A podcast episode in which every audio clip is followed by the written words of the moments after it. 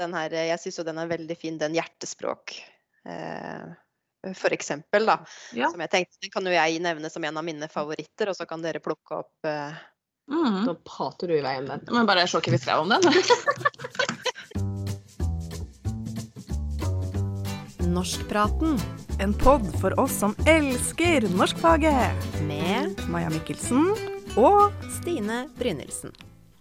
Jeg føler at jeg sier det her hver gang vi starter en ny norskprat, men det her er en norskprat som jeg har gleda meg veldig lenge til. Og det er ikke tull engang, fordi det har tatt litt tid før vi fikk faktisk spilt inn den episoden her. Det har vært en del korona innimellom som har gjort at vi ikke helt har fått det til, men endelig så har vi da kommet til episoden som skal handle om dybdelæring i norskfaget. Og jeg har med meg to eminente gjester som heter Jorunn Øverland Nyhus og Astrid Syse Talsethagen, som snart skal få lov å introdusere seg. Men jeg må bare si aller først at det her er jo eh, det som kommer til å bli eh, Norskpratens siste podkast denne sesongen. Og eh, det er også en litt spesiell podkast fordi at Maja er sprekkeferdig. Og det er ikke pga. podkast, men det er fordi Maja har en liten babys i maven og er i mammaperm. Men hun har lova å heie på oss fra sidelinja, og jeg tenker at noe av det første hun gjør etter fødsel, regner jeg med i hvert fall, er å få med seg denne episoden her. Eh, men så er det jo også sånn da at eh, vi har fått ordna vikar. Så det ser ut som at vi kommer til å få en ny og spennende sesong også neste skoleår. Og som vanlig så finner dere jo da eh, lydinnspillinga på Soundcloud eller Spotify eller Apple Podkast. Og så finner dere jo da blogginnlegget vårt med informasjon om gjestene og episoden og lenke til eh, litteratur ved å gå til norskpraten.design.blogg eller ved å søke på forskning.no sine bloggsider. Der har vi også noen eh, episoder ute. Men OK, nå går vi i gang. Jorunn og Astrid, dere har eh, blitt invitert hit for å snakke om dybdelæring i norskfaget. Og vi er veldig glad for at dere kunne komme. Så jeg tenkte, kan ikke dere begynne med å si litt om hvem dere er? Jo, det kan vi gjøre.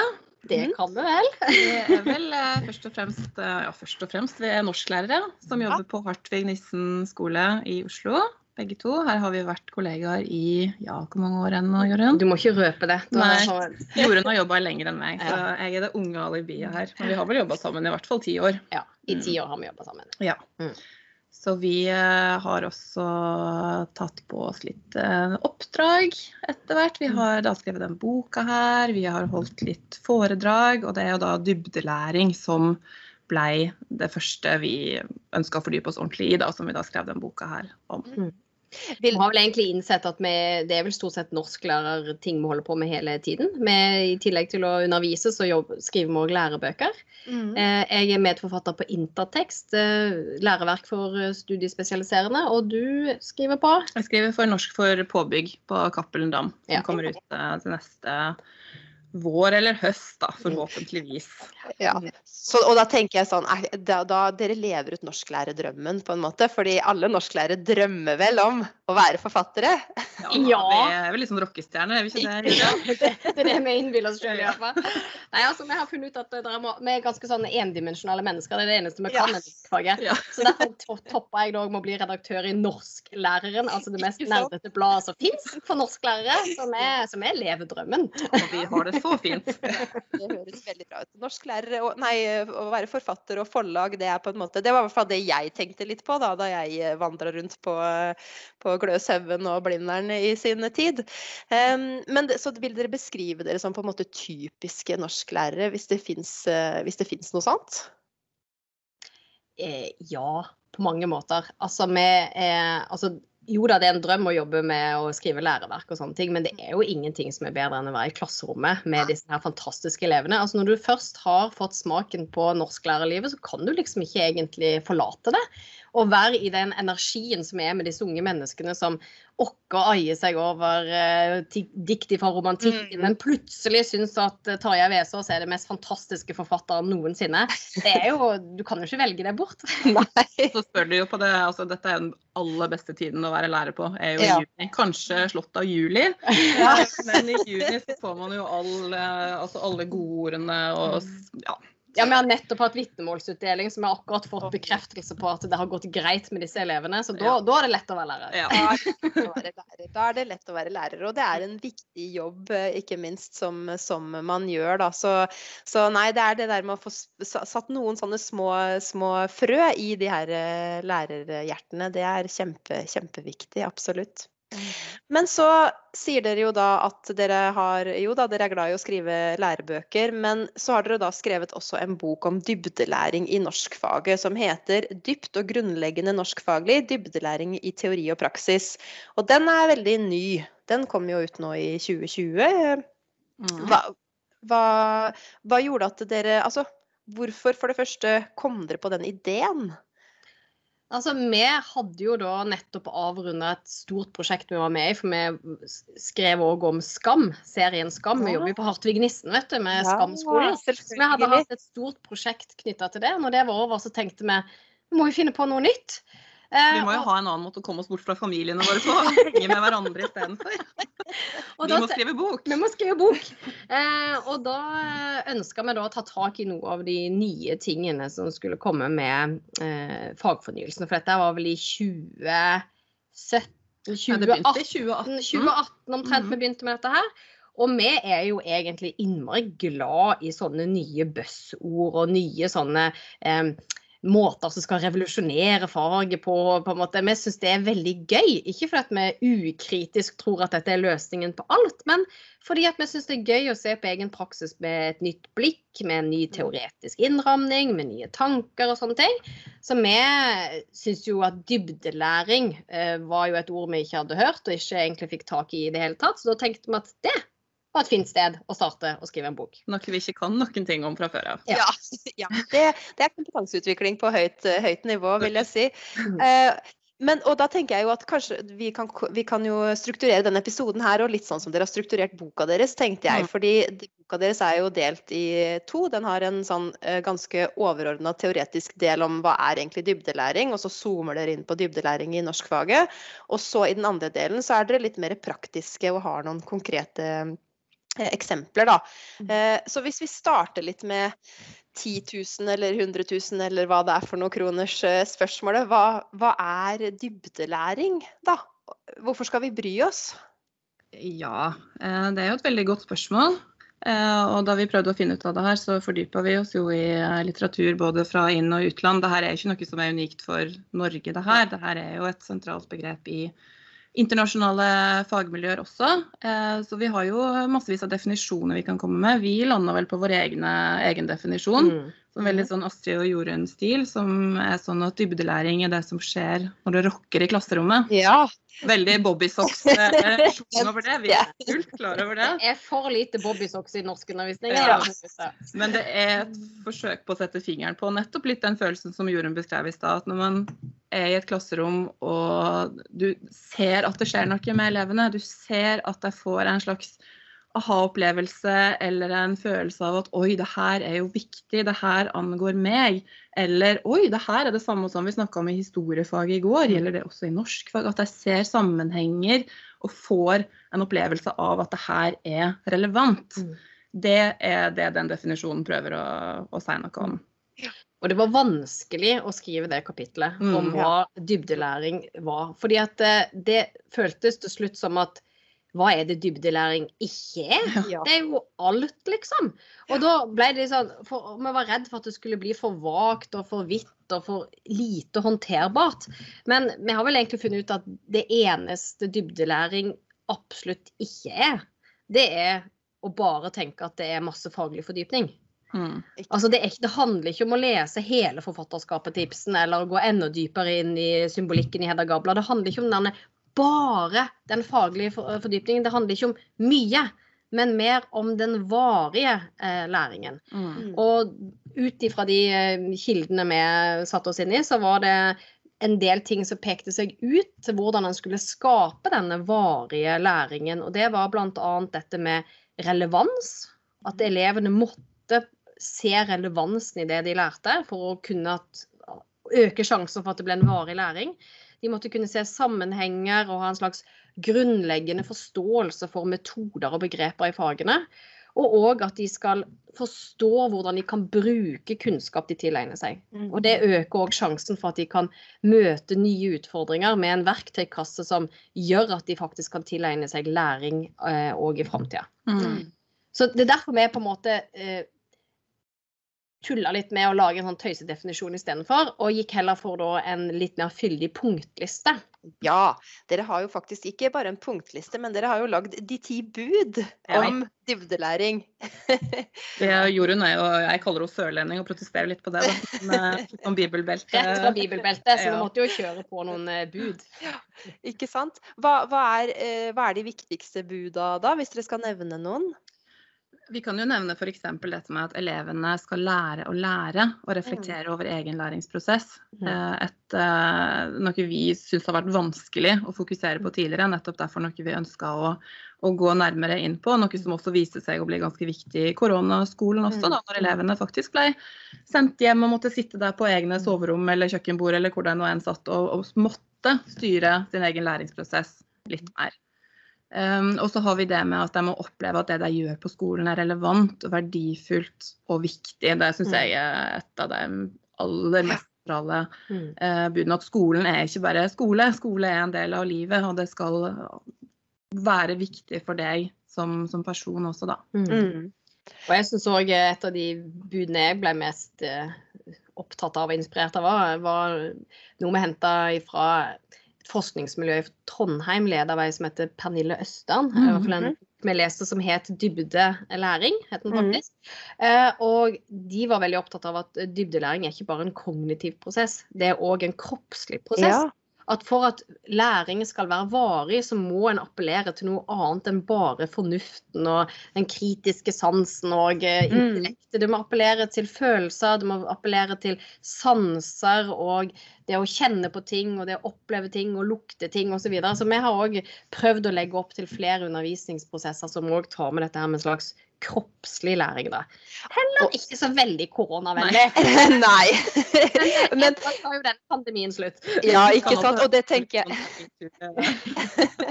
Og det tenker jeg jo er et kjempespennende perspektiv på norskfaget eh, òg, da, som jo ikke sånn tradisjonelt sett har tenkt er Man tenker er et veldig sånn kroppslig eh, fag. Hvis jeg skal nevne en, et bud som jeg tenker er veldig viktig, også, så er det det budet som handler om at dybdelæring er en prosess. Mm. Det tenker jeg er kjempeviktig, og det tenker jeg for lærere som vi har vært ute og snakka om dybdelæring, så tenker jeg at det er viktig eh, for å liksom roe nervene litt. At ikke du føler at alt ligger på dine skuldre akkurat i denne timen, akkurat i det Mm. opplegget her. Det her er jo en lang, lang prosess som egentlig vi som lærere samarbeider om opp gjennom Ja. hele undervisningsforløpet. eh, Og som jo blir enda tydeligere med LK20 når man skal se ting i, i altså se den progresjonen, da. Ja. Det Ja, tenker det, er jeg det er veldig viktig det du sier der. Og også viktig å vite at å drive med dybdelæring er ikke bare en enkeltlærers ansvar. Nei. Det ligger også integrert i um, læreplanen, i kjerneelementene. Mm. altså Dybdelæringstanken er integrert i Mm. disse dokumentene som, som vi skal følge også. Så det har vært litt viktig for oss når vi har holdt kurs og snakka om dybdelæring også, å roe ned litt og vite at også mange av de tingene vi allerede gjør i den gode Mm. undervisningen vi har, faller inn under det som vi ser på som dybdelæring. Da. Og en av de tingene vi skriver om tidlig i boka òg, er at eh, et mål med, med det er ikke at du skal bli en dybdelæringslærer. Du skal bare bli en enda bedre norsklærer. Ja. Nei, nå holder jeg fram for det. Nei, det her er jo en podkast, så jeg skjønner at eh, dere ikke ser. Men nå holder jeg fram, fram boka til, til damene, og jeg har gula under og hadde tenkt å lese opp akkurat det avsnittet Mm. der, faktisk. Fordi jeg tenker at det er noe av det jeg syns er veldig fint i boka deres, da. eh, Er at dere understreker akkurat det her. At å skape god undervisning, og nå leser jeg litt fra Mm. boka deres. Å skape god undervisning krever nettopp en blanding mellom nye impulser, innsikter fra egen erfaring, kunnskap om elevene du skal ha et læringsmøte med, og faglig skjønn og innsikt i hva som vil fungere i læringskonteksten. Og så fortsetter dere med at eh, noe av det fine med fagfornyelsen, da, sånn som jeg eh, eller dere ser det, er jo at man skal la seg inspirere til å se kritisk på egen undervisningspraksis. Er det noe jeg kan gjøre for at undervisningen min skal oppleves mer relevant for elevene? for at kreativ tenkning, følelser og kropp skal komme mer i forgrunn. Eh, hvordan henger vårt fag sammen med andre fag? Og så akkurat det du sa, med målet med denne boka er ikke at du skal bli en bedre dybdelæringslærer, men en bedre norsklærer. Mm. Og det, det sitatet der har jeg med to, faktisk både gule streker og to streker ved siden av i margen. Så den, Du har strategien på der- plass. Gode lesestrategier. Fordi hvis vi nå skal gå litt videre da nedover til norskfaget, eh, og dybdelæring i norskfaget, hva er på en måte det, eller hva tenker dere om, om det? Altså, i, i, eh, i, den, I boka da, så har jo vi da prøvd å si hvilke ting som har fungert godt med vår undervisningspraksis, og hva vi må gjøre bedre i vår undervisningspraksis for, Mm. å, for å, at det skal bli mer i tråd med dybdelæring. Og jeg tror ikke vi er så veldig annerledes enn veldig mange andre norsklærere. Og det, den virkelige vekstpunktet i vår undervisning var dette med læringsstrategier, at Mm. elevene eide læringsprosessen sin mer, og at vi hadde en for at at vi hadde kanskje glemt litt dette her med norsk som et opplevelsesfag, norsk som et identitetsfag, norskfaget på den måten litt i denne Vi hadde nok gått litt langt ut i denne norskfaget som et mer instrumentelt fag, Ja. og jobba med ferdigheter og skriving og lesekompetanser osv. Og, så videre, og veldig opptatt av den faglige fordypningen. Og at vi hadde kanskje gått litt bort ifra de sidene av norskfaget som handler mer om elevens opplevelse, elevens bruk av faget da, som en del av sin egen identitetsutvikling osv. Mm. og det hjalp i hvert fall dybdelæringen meg til å gjenoppdage. Ja, ikke Mm. sant. Eh, og så trekker dere jo også fram at en god del arbeidsmetoder som eh, man har jobba mye med, som man kjenner godt, altså type prosessorientert skriving, og, og det er jo en del ting som allerede er dybdelæring, bare at man har ikke brukt det ordet før. Og det gjelder nok mange fag eh, for så vidt òg, altså. Men, men det er jo litt godt å vite, da, og det er jo det som på en måte henger sammen med alt det jeg har gula under òg, at eh, for å bli en god norsk dybdelæringslærer, så har man jo veldig mye man kan fortsette å jobbe med å bruke. Mm. Men det der med å være litt kritisk til og litt sånn spørrende til sin egen praksis, Mm. eh, det tenker jo jeg er en grunn til at man er lærer, eller mange av oss er lærer i første omgang òg. Mm.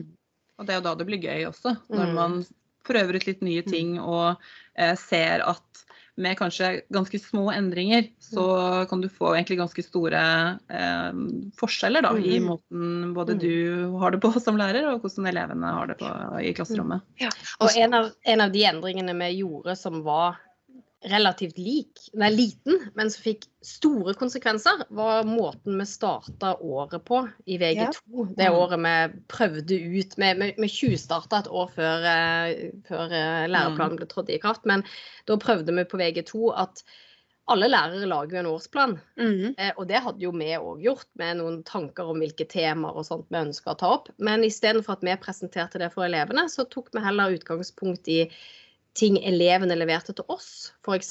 Eh, de skrev ned hvilke verdier som var viktige for dem, hvilke tekster de likte å lese, hva de likte å se på TV osv., og og hvilke nyhetssaker som engasjerte dem. Og med utgangspunkt i de eh, inn, eh, tilbakemeldingene fra elevene, så lagde vi en årsplan. Sånn at elevene egentlig var premissleverandører for hvilke temaer vi skulle gjennomgå i løpet av året. Og det var jo ikke uventa, var jo det veldig likt det Ja. jeg allerede hadde tenkt. For det er jo ikke et sjokk at eh, 17-åringer er opptatt av eh, Urettferdighet. urettferdighet eller Kjærlighet. ja. eller eh, liv og død eller sånne store temaer var jo de òg selvfølgelig opptatt av. Men det opplevdes som mye mer relevant for de når det var de som leverte inn temaene til oss, og så fylte vi på med faget. Mm. Istedenfor at vi ga de fag og ba om litt innspill på hvordan de tenkte om dette her. Bare den lille endringen der gjorde store endringer for uh, måten norskfaget ble tatt imot, rett og slett For da snakka dere Dere skriver vel også om det her med å hooke elevene på, hooke elevene på faget, rett og slett? Ja, ikke sant? Mm. Og videre i, i VG2, da, som er jo et år som for mange kan oppleves som ganske tungt, med både eldre tekster og litt sånn Vi snakker om den VG2-dumpen Ja. når det er ikke førstisser lenger, og det er lenge til russetiden, og man er liksom midt i Til sånn eksamen, ikke minst. Eh, Men nettopp pga. det så, så videreførte vi den tanken også i, i tekster vi skulle utforske sammen, da, ved at elevene fikk eh, i temaet som var da liv og død, Mm. Lov til å skrive ned alt jeg lurte på, alt jeg tenkte Mm. på, alle sånne undringsspørsmål jeg hadde knytta til det temaet, helt løsrevet fra Mm. norskfaget. Og så brukte vi de undringsspørsmålene også i å, å velge ut tekster Mm. som var aktuelle fra VG2-pensumet, da. Eh, og det var jo stort sett de samme tekstene vi kanskje hadde lest uansett, men nettopp fordi at vi kunne begrunne det med disse undringsspørsmålene og bruke litt tid på starten før vi gikk inn i tekstene til å snakke om nettopp det undringsspørsmålet. Ja, hva er egentlig meningen med livet? Ikke sant?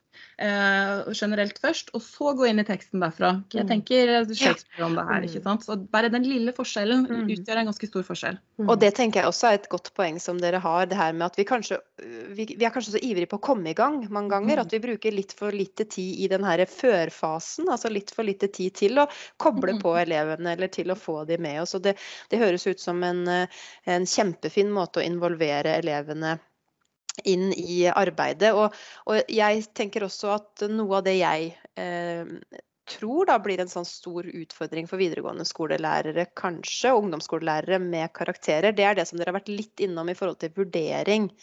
Det kunne jeg jo tenkt meg å snakke litt om, altså det her med vurdering for dybdelæring. Mm. Fordi hvis, dere, har jo, dere har jo noen kjempefine også um, eh, sånne læringssirkler, og dere har måter på en måte å få elevene til å tenke om sin egen læring. Mye fokus på prosess og på underveis.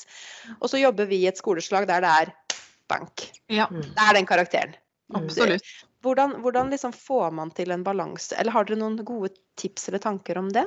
Ja, så nå er vi inne på det kapitlet vi aldri fikk skrive. Som Ja. jeg å skrive. Var en av mine aller viktigste brannfakler og Ja. hjertesugere er nettopp det med karakterer. ikke sant? At jeg, jeg kunne så gjerne ønske at vi slapp å sette disse karakterene. Mm. Men nettopp derfor så setter vi også ganske lite karakterer da, gjennom året før vi må. Eh, og litt inne på det vi snakka om tidligere også, at som lærere så må vi kanskje mer enn før gjøre noen valg om eh, hvor mange tekster må vi lese? Mm. Må vi lese tre tekster, fire tekster fra barokken, eller holder det kanskje med én tekst fra barokken som man kan ta med seg videre? Og, her, og frigjøre en del tid til samtaler Mm. med elevene knytta nettopp til eh, tilbakemelding på tekster, veiledning, samtaler om tekst, ikke vurdering av tekst med disse karakterene her. Så det handler om en, en prioritering og en tidsbruk også som vi rett og slett må Mm. Ta stilling til. Mm. Og for å få tid til det, så må vi bortprioritere kanskje den store bredden da, av f.eks. tekster vi leser. Astrid har jobba lenge med dette her med karakterfritt. Jeg prøver så godt jeg kan, men jeg kjenner at jeg famler. fordi at Grunnen til at jeg famler, er at jeg fram til nå opplever at jeg ikke har et språk som jeg kan snakke med elevene med, som ikke er knytta til eh, nivå og Nei. karakter. For at Hvis jeg skal ha en fagsamtale med elevene og si hvordan det går i medier, så kan jeg jo selvfølgelig snakke om struktur på tekst, og jeg kan snakke om tekstbinding, jeg kan snakke om om de har gode temasetninger osv. Men de skjønner ikke helt Men er dette her på et godt nivå, Jorunn, eller er det på et Ja. dårlig nivå? Så, men jeg merker òg, og når de da spør meg hvordan ligger jeg an i faget, så går jeg rett i Jo, det er et Ja. over middels nivå. Altså, hva er poenget med å si det istedenfor å si karakteren fem eller seks? Men jeg opplever sjøl at med å fått bruke den læringssirkelen, så har vi da fått et annet felles språk vi kan bruke, som ikke er knytta til karaktermatriser eller til vurderingskriterier osv. Men der en kan da snakke om at hva gjorde du godt i denne fasen her, hva syns du var vanskelig her? Og da har vi en, en annen konkret eh, ting som vi kan bruke som språket vårt da, eh, mellom lærer og elev. Så tenker jeg også at det er jo Vi må jo ikke late som at karakterer ikke fins. Vi må jo snakke med elevene om karakterer. For det første fordi at jeg er jo veldig opptatt av det. Og, men det er jo selvfølgelig fordi jeg er vant til å få det hele tiden. Eh, og jeg snakker alltid med elevene mine i starten av året om eh, hvilke mål jeg har. Altså sånn når det skoleåret her nå er slutt, om ti måneder, i juni neste år, hvilken karakter håper du står på karakterkortet ditt da? ikke sant? Så skriver jeg ned en liste over det. Og så når man snakker om tekster og sånn, så kan man jo eh, vurdere tekstene på en måte litt opp mot det målet. Da kan jeg si Jorunn, jeg vet at du har som Mm. mål å nå en femmer i juni. Mm. Akkurat nå så tror jeg du må fokusere på struktur og få til den ryddige strukturen og, og gi noen sånne små tips her og der. Og da vil du kanskje kunne løfte deg opp til det. Så kan jeg si du er ikke helt der ennå, men selvfølgelig Mm. Det er jo bare september, du trenger ikke å være der nå. Og nå fikk jeg sånn man- flashback til skriveprosessen vår. Du er ikke helt der nå. Får det til. Nei, altså, for da snakker man jo om karakterer og nivå også, men uten å gi det disse merkelappene på it. Fem minus, fire pluss, fire til fem, fem til fire, som Mm. elevene henger seg veldig opp i, og som vi også blir veldig låst Mm. av, da. Ja, for det jeg, det jeg jo tenker da, er jo at eh, jo, å få til gode dybdelæringsmetoder, det er kanskje ikke det største problemet egentlig, men å få til gode dybdelærings vurderingssituasjoner, der Mm. det skal, den metoden skal henge sammen med eh, Hvis vi tenker kroppsliggjøring, da, som du Mm. var eh, inne på. Eh, Jorunn, så hva, hva liksom, Hvordan legger man opp til en god vurderingssituasjon da, og, og hvordan får man bakt inn? Mm. Det er kanskje min sånn eh, forutinntatthet, da, men jeg, min erfaring hvert fall er at man blir veldig opptatt av det summative Mm. på, på, i våre fag, og i hvert fall med så mange, så stort fag, så mange karakterer, så mye så, Mm. Men vi har jo også, sånn i forhold til det med det kreative og det kroppslige osv., så, videre, så har vi jo ulike har vi jo et, skriver vi jo i boka om noen eksempler på hvordan en kan trekke det inn i vurderingssituasjoner. og da er der, har vi vist hvordan en eh, periodeplan der vi på VG3 jobber med Kielland f.eks. og det moderne gjennombrudd, kan gjøre mer utforskende og kroppslig med bruk av eh, tegning og legomodell. Vi jobber på en skole som har kjøpt inn masse fantastisk flott Lego som elevene kan bruke. Og da øver vi det jo gjennom læringsprosessen på hvordan de kan visualisere en novelle ved hjelp av å bygge en legomodell, eller med å male, eller med å lage et omslag eller tegne. Og du må ikke være en teknisk god tegner for å gjøre dette her. Eh, og så i vurderingssituasjonen så blir de da eksponert for en ukjent novelle av Kielland. Mm. Så da skal de bruke de strategiene de har lært, de metodene de har lært, og så skal de overføre det i en ny situasjon. Så det er jo òg dybdelæringstankegangen. Og produsere da en fysisk modell som skal symbolisere noe viktig i den novella som de da har fått, og ta den med inn i en fagsamtale sammen med oss. Sånn at eh, vi bruker den modellen da til å utforske eh, noveller sammen. Og det er en måte å ta inn det kroppslige i en vurderingssituasjon òg. mm, Mm. Og så tenker jeg at det er litt viktig at vi lærere passer litt på det språket vi sjøl bruker også. For når vi snakker Ja. om rettebunker, ja. det er litt sånn Jeg blir, det går litt sånn kaldt nedover ryggen her. For det første så skal vi ikke rette tekster. Stiler. Ja. Stil, ja, rette stilene. Det, det er ikke det vi skal gjøre. Jeg er jo ingen korrekturleser som skal rette en tekst. Jeg skal Mm. veilede en tekst. Jeg. Mm. Og når, vi snakker om disse evinnelige rettebunkene, så blir Mm. jo det en sannhet også som vi tar med oss videre. Eh, og samme hvis vi kaller muntlige samtaler, hvis vi kaller det for høringer. Mm. ikke sant? Nå skal jeg høre deg, Mm. det du kan. Ja. Så, og heller ta, prøve å ta et skritt tilbake og selvfølgelig notere ned nivået sånn underveis. for Ellers så blir det jo vanskelig til slutt hvis man sitter Mm. og ikke har noen indikasjoner på nivå. Men at man tar et skritt tilbake og ser på den helhetlige Mm. vurderingen av eleven når man står på slutten av året, da. Og særlig vi som er så heldige og har et treårig fag. Mm. Tenk deg det så heldige med istedenfor de stakkars geografilærerne Ja, som skal som- pumpe ut vurderingsgrunnlag på disse her to timene de har i uka. Det er Mhm. ganske, ganske utakknemlig. Nei, nå, det her hører jeg må nesten bli en ny episode. Altså, her traff jeg en nerve. Tanken på, altså, hun kaller det norsklærernes lidelseshistorie. Ja, men jeg er helt enig. Ja, men det er helt Og- altså. Ja, og jeg tror mye av det handler om, som, som dere begge egentlig har vært inne på, at enten så mangler man et språk, eller så bruker man et språk som er på en måte arkaisk, eller som ikke egentlig hører hjemme da, i, i eh, den måten vi vil jobbe på nå. Men Mm. jeg, jeg tenker at, eh, eh, at vi fortsetter litt på, på, på veien her, for som sagt, her kunne vi ha snakka lenge og mye, og det kan hende at vi skal gjøre òg. Men eh, dere nevnte jo noen eksempler nå på noen konkrete undervisningsopplegg som handla om, eh, om vurdering, bl.a., eller som inkluderte vurdering. Og, og det er jo også det jeg liker med boka deres, at dere har noen av de her veldig konkrete, veldig eksemplariske. Altså her er dere eksemplariske på alle vis Ja, sånn er alle oppleggene våre. veldig Og, og, og framstillinga av det òg, med egne læremål og trukket ut kompetansemål og hele pakka. Men, men jeg tenker det er kjempefint da, å kunne se noen sånne uh, konkrete eksempler. For det er som dere sier, det blir ofte at man tenker og snakker veldig stort om dybdelæring, så man må jo få hjelp til å få det ned. Så jeg hadde egentlig litt lyst til om dere kanskje kunne si noe om Altså gi oss et sånn par konkrete eksempler da, på, på noen undervisningsopplegg fra boka. Jeg skal, jeg skal ikke legge noen føringer, men en av mine favoritter er jo den, det opplegget om hjertespråkhistorie. Eh, som jo aktualiserer et tema som jeg syns ikke det alltid er så lett å på en måte skape engasjement om, og forståelse om at språk faktisk er demokrati eh, på mange vis. Så om dere har lyst til å fortelle om det eller noen andre, så kunne dere sagt litt sånn konkret om et eksempel. Ja, Den hjertespråkoppgaven er jo ja, litt mitt lille hjertebarn også, som Mm. jeg er veldig glad i som nynorskbruker. Og så har jeg min egen lidelseshistorie der. Nei, men, eh, men det handler jo litt om, om det med å, å gjøre Eller å ta utgangspunkt i seg sjøl, da. eh, For å utforske faget, og at vi lar elevene fortelle sin historie og reflektere rundt seg sjøl som språkbrukere. Hvilket språk bruker jeg? Jeg Er en majoritetsspråkbruker? Eller er jeg en minoritetsspråkbruker? Har jeg noen gang blitt konfrontert med måten jeg snakker på, eller har det bare vært helt greit gjennom hele livet? Hvem representerer jeg, og hvem er jeg?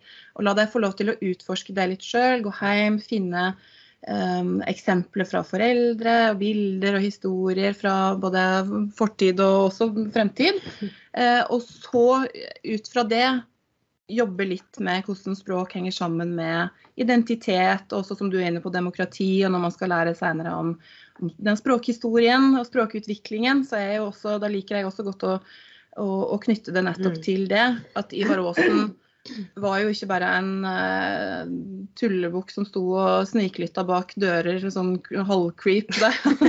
Han var jo en demokratiforkjemper. Ja, Mm. det er jo akkurat Der det. er jo, ser jeg for meg også en sånn tverrfaglig oppgave med historiefaget. Samfunnsfag. At, at ikke Ja. han er nevnt i Ja. historiebøkene, er jo en skam. Ja. Ja, det er jo absolutt det. For det han gjorde for språket, for folket. Mm. Eh, å få litt det perspektivet inn i, i språkhistorien, sånn at det ikke bare blir den der reformpuggingen og, og nettopp at man skal ikke sitte og ha en, en prøve om hvilke år det og det skjedde. Det er jo selvfølgelig ikke så mange som Og, og da har dere jo en sånn veldig kreativ oppgave som jeg tenker er, går rett inn i sånn jeg tenker på dybdelæring, da, der man har et case med et tenkt eh, land, ikke sant? Kan dere si litt Mhm. om, om det? Ja, det er jo Joruns Ja, det, eh, ja, det er det såkalte Zimbabwe-prosjektet. Det Ja. ligger faktisk i sin helhet ute på NDLA sine sider. Det er et NDLA-opplegg jeg lagde når jeg jobba der.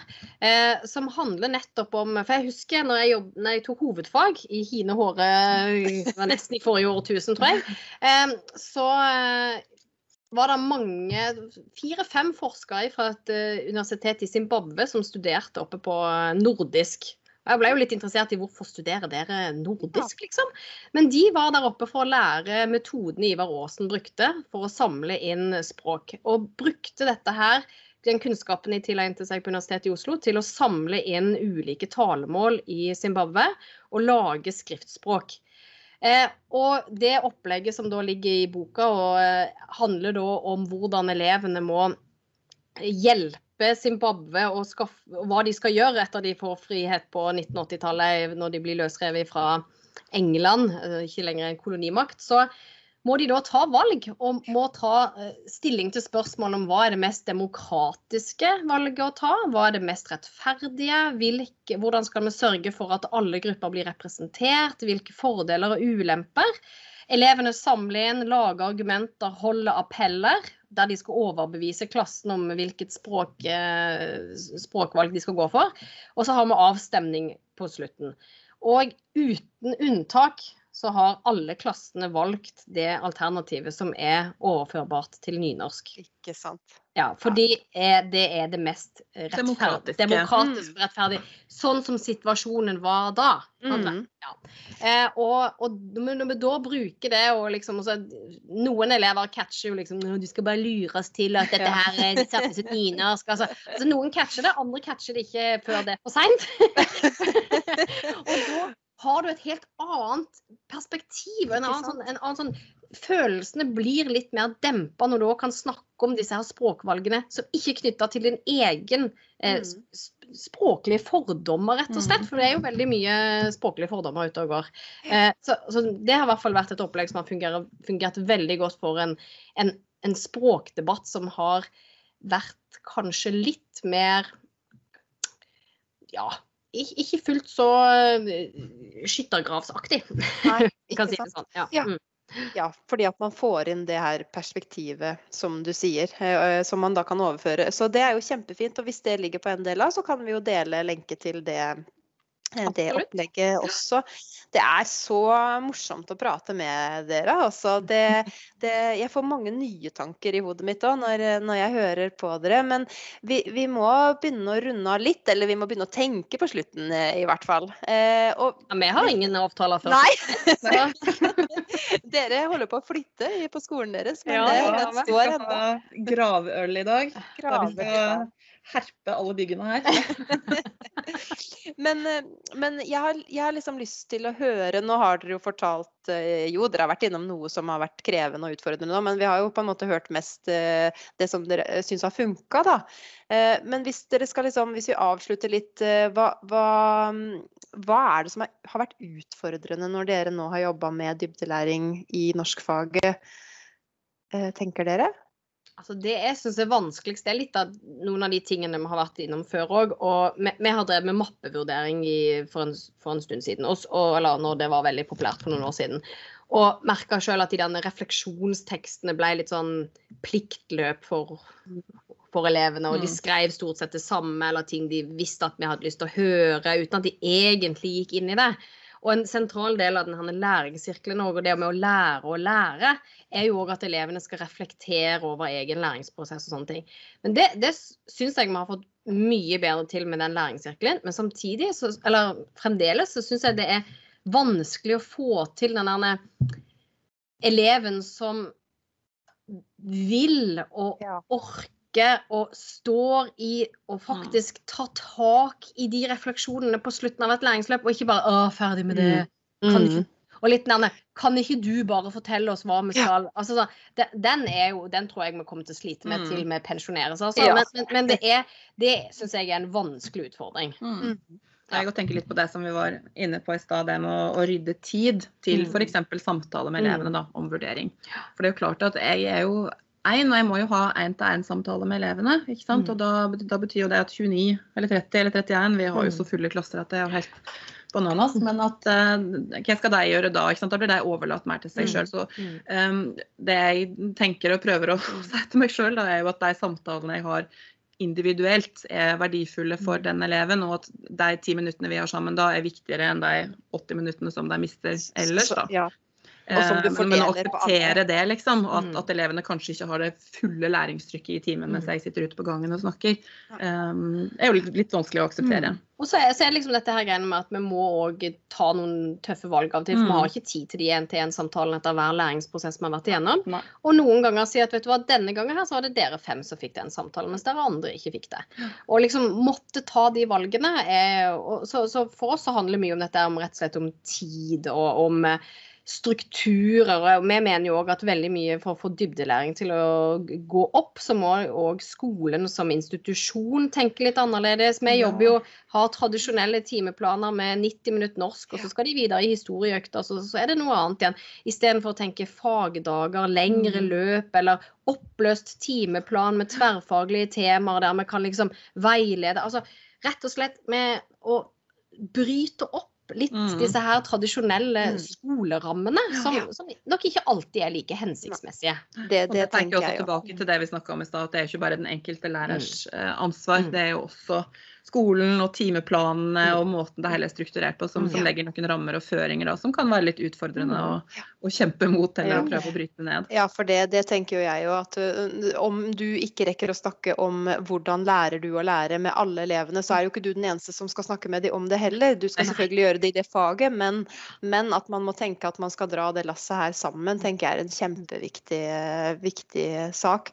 Hvis dere da sånn eh, helt avslutning, Vi må jo avslutte på en positiv tone, vi avslutter jo ikke med utfordringene. Hvis dere da, dere har jo fortalt om masse som, eh, som dere har likt og på en måte som dere har syntes har vært interessant. om, Men hvis dere skal trekke fram liksom ett aspekt da, ved eh, den måten her å jobbe på som dere syns på en måte er givende, eh, vil du starte Astrid? Ja, så er jeg ivrig her. Men, Altså, rekk opp hånda. Jeg tror hun blir filma. òg. jeg har snakka sammen med Jorunn før, vet du, så jeg vet at her må man kjempe.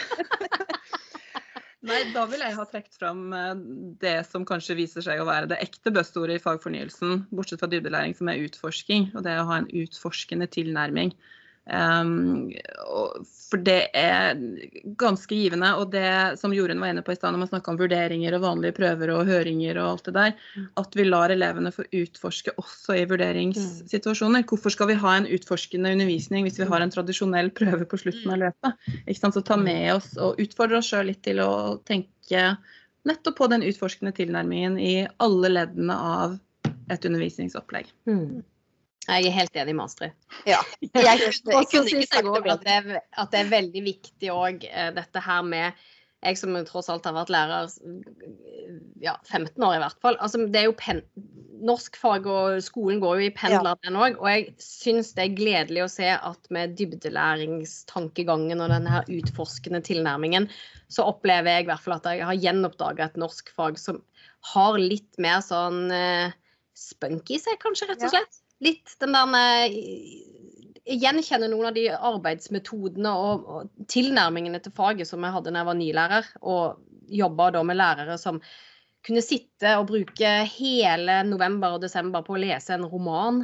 Mm. Og, og lese høyt med elevene. De var ikke så stressa med å komme igjennom ting før de skulle til eksamen. De, de hadde en annen ro.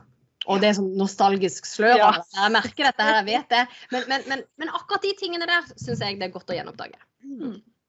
Nei, men eh, det, det ble en kjempefin eh, slutt, så, så jeg tror vi eh, det er, ikke noe, det er ikke så mye mer å si, bortsett fra at vi, vi har fått lov å dele de ti buda deres. Har vi fått lov Ja. å dele i, i podkasten vår, og så, eller i bloggen vår, da.